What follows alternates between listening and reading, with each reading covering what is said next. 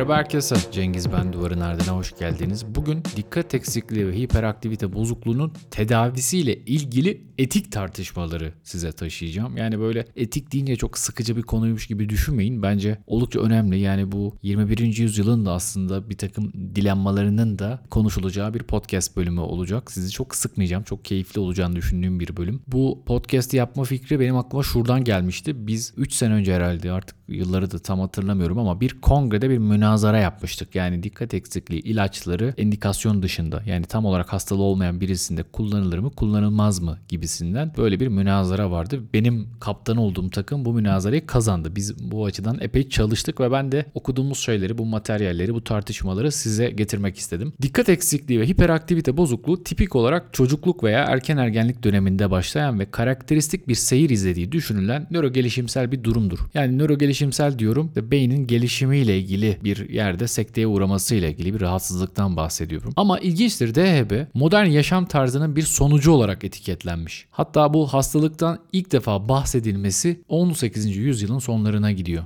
Yani uzun bir zaman bu hastalıktan pek bahsedilmemiş. Ve bahsedildikten sonra da sanmayın bu hastalık böyle çok kabul görmüş. Özellikle yetişkinlerde hiç kabul görmemiş. En fazla çocuklarda tanımlanmış. Tarihsel olarak baktığımızda çoğunlukla okul çağındaki erkek çocuklarda bu hastalık tanımlanmış. Hatta bununla ilgili çok fazla eleştiri var. Özellikle Kuzey Amerika'da beyaz erkeklerin hastalığı olduğu söyleniyor. Yani bir anlamda böyle hastalık küçük bir gruba sıkıştırılmış gibi. Bu da böyle eleştirilerin başında geliyor. Ve aynı zamanda pek çok yanlış atfın oluşmasına yol açmış bu tarz yaklaşımlar. DHB'nin yetişkinlerde de var olduğunun ve çocukluktan yetişkinliğe süreklilik gösterdiğinin ikna edici bir şekilde ortaya konması 20. yüzyılın sonlarını buluyor. Yani bu alanda yazılmış doğru düzgün bir makale Wood ve arkadaşlarının 1976 yılında. Yani neredeyse 200 yıl bu hastalık yetişkinlerle ilişkili görülmemiş. Oysa biz şunu biliyoruz. Yani bu sadece DHB için değil, çocukluk döneminde başlayan pek çok hastalık. Yani bu psikiyatrik bir hastalık olması da şart değil. Yetişkinlikte de devam eder. Yani sadece çocukluk döneminde sınırlı kalmaz. Hele nörogelişimsel hastalıklar devam ediyor yani. Mesela otizmi diye ele alalım. Yani otizm Sadece çocuklarda görülmez ki yani yetişkinlerde de görülebilir. DHB de aynı şekilde. Tabii ki çocukluk döneminden yetişkinliğe geçerken ya da işte ergenliğe geçerken bir takım değişiklikler olabilir. Hastalık belki iyileşebilir ama bu yetişkinde hiç görülmez diye bir şey yok. Çünkü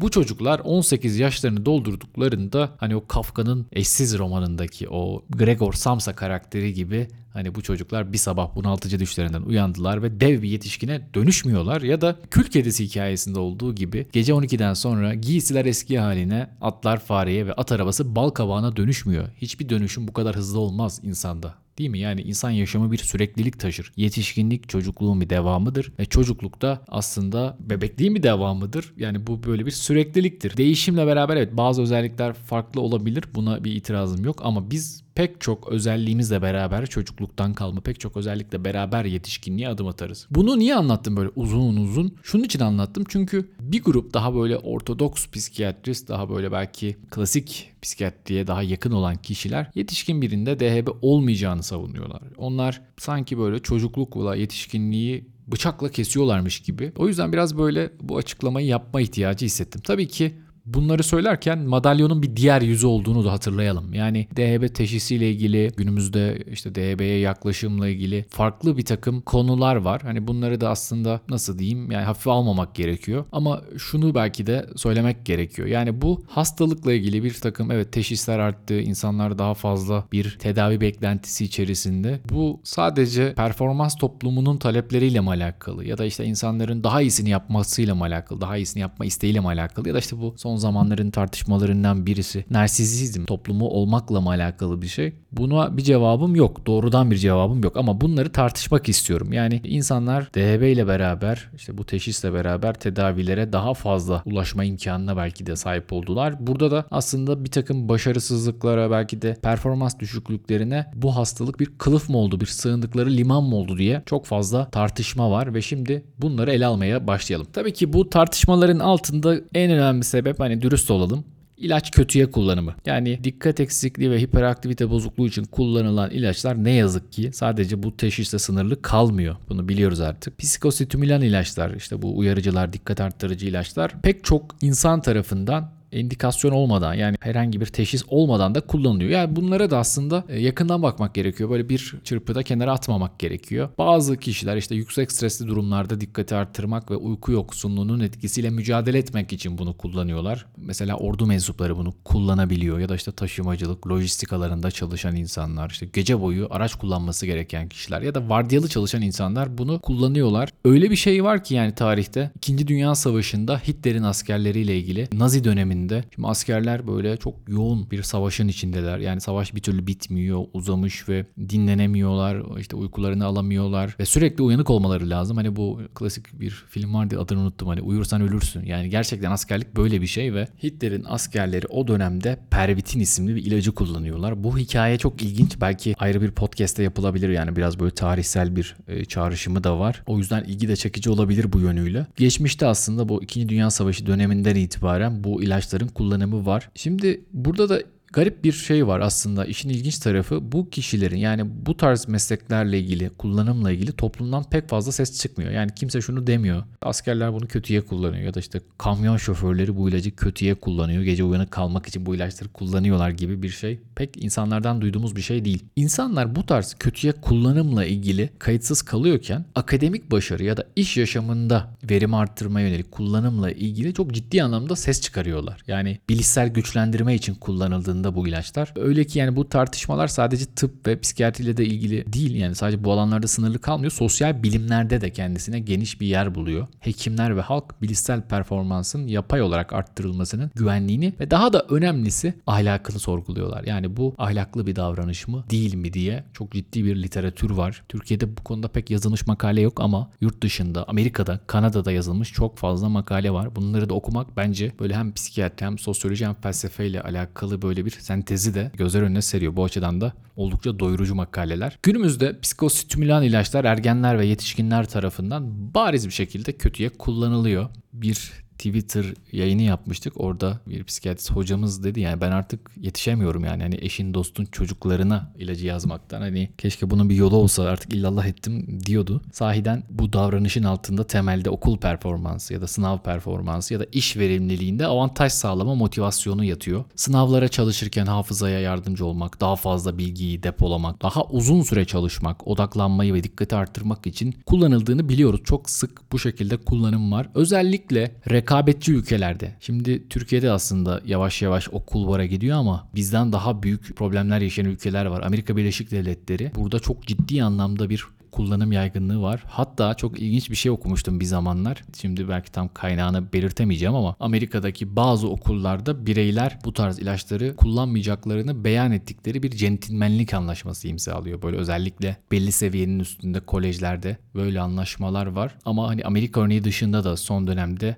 gelişmekte olan ülkelerde işte bizim ülkemizde mesela bu tarz kullanımlar çok sık görülüyor. E şimdi Türkiye'deki başarı da akademik başarı da böyle bir sınava indirgendi ya da işte lise başarısına ya da işte tıp fakültesi eğitiminden sonra tıpta uzmanlık sınavı var ve Sanki siz o sınavı kazanamazsanız geçmişte yaptığınız her şey anlamsızmış gibi geliyor. E böyle olunca da insanlar bir takım kolaylaştırıcılara sığınıyorlar. Hani bu ahlaki bir şey midir, etik midir? Zaten bunu tartışıyorum. Literatürde de bu tartışılıyor. Şimdi farmakolojik bilişsel güçlendirme diyelim. Yani bu böyle bir genel bir kavram. Sağlıklı bireyler tarafından yasal bir şekilde de yapılabiliyor. Örneğin kafein kullanımı. Yani Amerikanı içiyor adam filtre kahve içiyor çok sık bir şekilde. Bunu aslında yapıyor. Yani bizler bunu yapıyoruz bir yanıyla. Yani işte kahve içmek içmek güzel zaten. Tadını da sevdiğimiz bir şey ama böyle dert çalışmadan önce böyle bir termos americano, bir termos kahve içen insanları görmüşsünüzdür. Bazıları da yasa dışı maddelerle bunu yapıyor. İşte yasa dışı uyarıcılar ya da çeşitli reçeteli ilaçlarla alakalı problemler var. İşte kendi olmayan ilaçları kullanıyor insanlar. Yani bir başkasına reçete edilmiş ilacı kendisi kullanıyor ve işte aslında tıbbi bir ihtiyaç olmaksızın bilişsel işlevlerini güçlendirmek için bunu yapıyor. İşte uyanıklık, konsantrasyon, hafıza ile ilgili şeyleri daha iyiye taşımayı amaçlayan bir takım motivasyonlarla bunu yapıyor. Bu tabii şöyle bir tartışmayı beraberinde getiriyor. Dikkatin tıbbileştirilmesi. E, dikkatle ilgili diyorlar ki yani dikkat öyle bir hale geldi ki yani tıp buna müdahale etti. Dikkat böyle bir şey değil aslında tıbbileştirildi. Dikkat eksikliğiyle işte dikkatle ilgili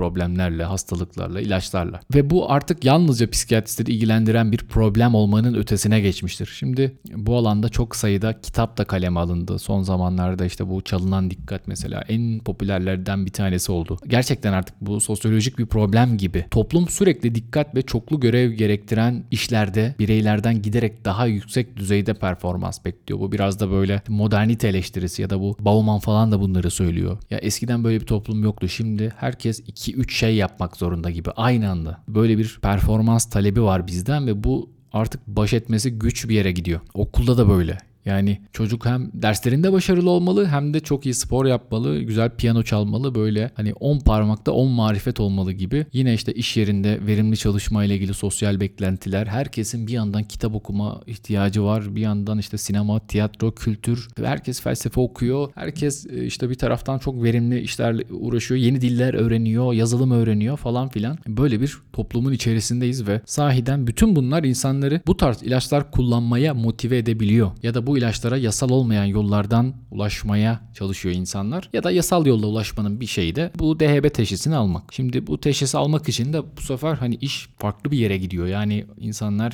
belirtilerini biraz daha fazla gösterme eğilimi taşıyor. Bu da yine endişe verici bir durum aslında. Hani hastalıkların görülme sıklığını bir anlamda değiştiren bir şey. Ve hani dediğim gibi yani eğer bu teşhis olmayınca da teşhisi olmuş insanların ilaçlarını kullanmak gibi bir şey oluyor. Birçok insan kendisi için reçete edilmiş ilaçları ailesinin diğer fertleri, arkadaşları ya da partnerleriyle iyi niyetle yani tırnak içinde kullanıyorum paylaşıyor. Ama bunun olumsuz sonuçları olabilir. Bu tartışmayı biraz daha böyle klasik bir çerçevede yaptım ama bizim münazaramızda da konuşulan şeylerden biri şuydu. Yani bunun etik anlamda nasıl bir karşılığı var? Hatta bununla ilgili şöyle çok güzel bir makale var Frankie ve arkadaşlarının. Psikostimülan kullanmakla ilgili şunu diyorlar. Yani fazla kahve içmek ile bir ilacı reçetesiz kullanmak ya da başkasının bir ilacını kullanmak arasında nasıl bir fark vardır? Yani diyebilirsiniz ki e, kahve içmek yasal bir şey. Yani herkes istediği miktarda kahve içer. Bunların arasında işte ciddi bir fark vardır ama şunu konuşabiliriz. Yani bu ikisi arasında ahlaki bir fark olup olmadığına dair görüşleri size getirebilirim. Burada temelde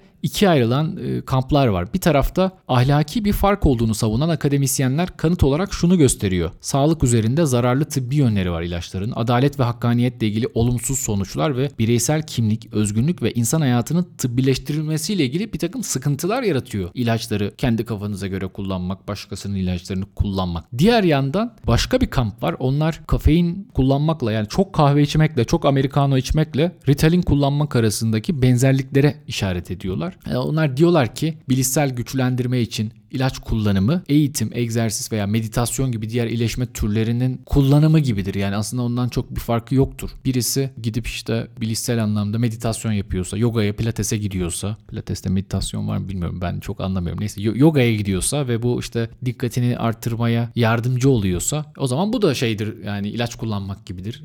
O adamın yogaya gidecek parası var ya da bir öteki eğitim için özel ders alıyor. Onu da o zaman eleştirin ya da özel okula gidiyor ya da koç tutmuş kendine bütün sistemde işte bütün hayatını organize ediyor. Bu da o zaman etik değil. Yani asıl olarak bu kamptaki akademisyenler şunu savunuyor. Yani bireysel özelliği ve kendini yaratmayı. Yani birey özgürdür. Kendi geleceğini tasarlayabilir. Yani aslında bu tartışmaların da nihayetinde vardığı noktalardan bir tanesi şu bireysel özgürlük. Kişilerin kendi hayatlarına dair kararları almakla ilgili nasıl bir sorumluluğa sahip olduğu tabii ki bunu tartışmak yani 10 tane bölüm yapsanız bu bitmez zaten. Yani işte birey özgür müdür? Kendi özgürlüğünden sorumlu mudur? Ama şunu gerçekten tartışmak gerekiyor. Yani ilaç kullanmakla aşırı kahve içmek ya da işte özel ders almak ya da bir, bir şekilde takviye bazı besinler kullanmak arasında ahlaki açıdan bir fark var mı? Şunu diyebilir insanlar. Evet yani bu ikisi haksız rekabette birbirine benziyor.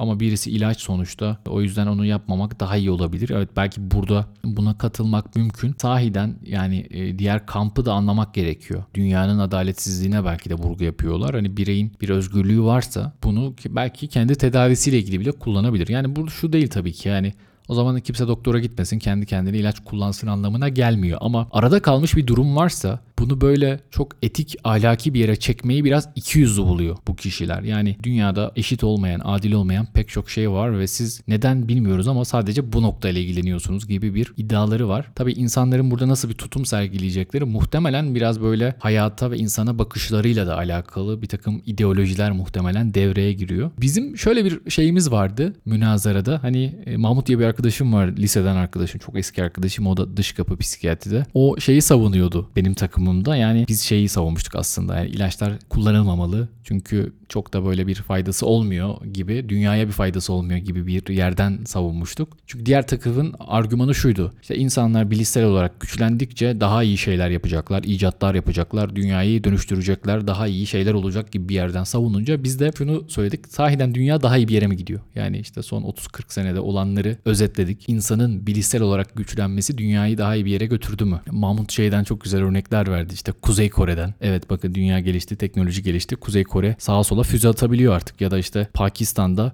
nükleer başlıklar sergileniyor. Evet bakın gördünüz mü teknoloji gelişti işte mühendisler daha iyi tasarımlar yaptı ve şimdi soruyorum size dünya daha iyi bir yer mi oldu? Aslında biz bu argümanlarla çok güzel yerlere geldik yani o münazara içinde baya böyle alkış topladık. Biraz tabii ki klasik neoliberal eleştiriler böyle hakikat sonrası dönemle ilgili bir takım nasıl diyeyim defekleri çok iyi bulduk ve onlara oynadık. O yönüyle kazandık ama sahiden bu böyle etik anlamda çok güzel bir tartışma konusu. Ee, belki bununla ilgili yeni argümanları, yeni tartışmaları da size ileriki zamanlarda getiririm. Buraya kadar dinlediğiniz için çok teşekkür ederim. Kendinize iyi bakın, hoşçakalın.